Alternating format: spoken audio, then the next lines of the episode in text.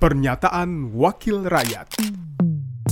Pernyataan Juni Markirsa, Wakil Ketua Komisi 2 DPR RI, fraksi PD Perjuangan, Daerah Pemilihan Sumatera Utara 3, saat rapat kerja Komisi 3 DPR RI dengan Menteri Pendayagunaan Aparatur Negara dan Reformasi Birokrasi RI dan rapat dengan pendapat dengan Kepala Badan Kepegawaian Negara RI dan lembaga terkait lainnya mengenai evaluasi pelaksanaan program dan anggaran tahun 2021 Kamis 7 April 2022 kepada Ketua Komisi ASN dan jajarannya yang terhormat. Ya ini forum saya harus buka di sini Pak.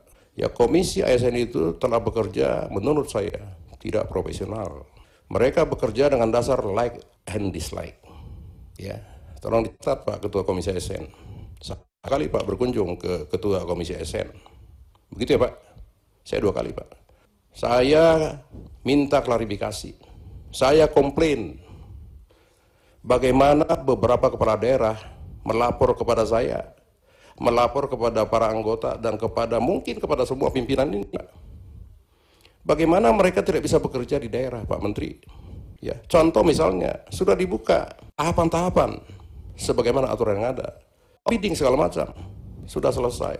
Tetapi ketika diajukan ke Komisi Apresiasi Negara, ini ada yang ditolak, Pak. Gitu. Ini kan fungsi pengawasan yang mesti dijalankan, Pak.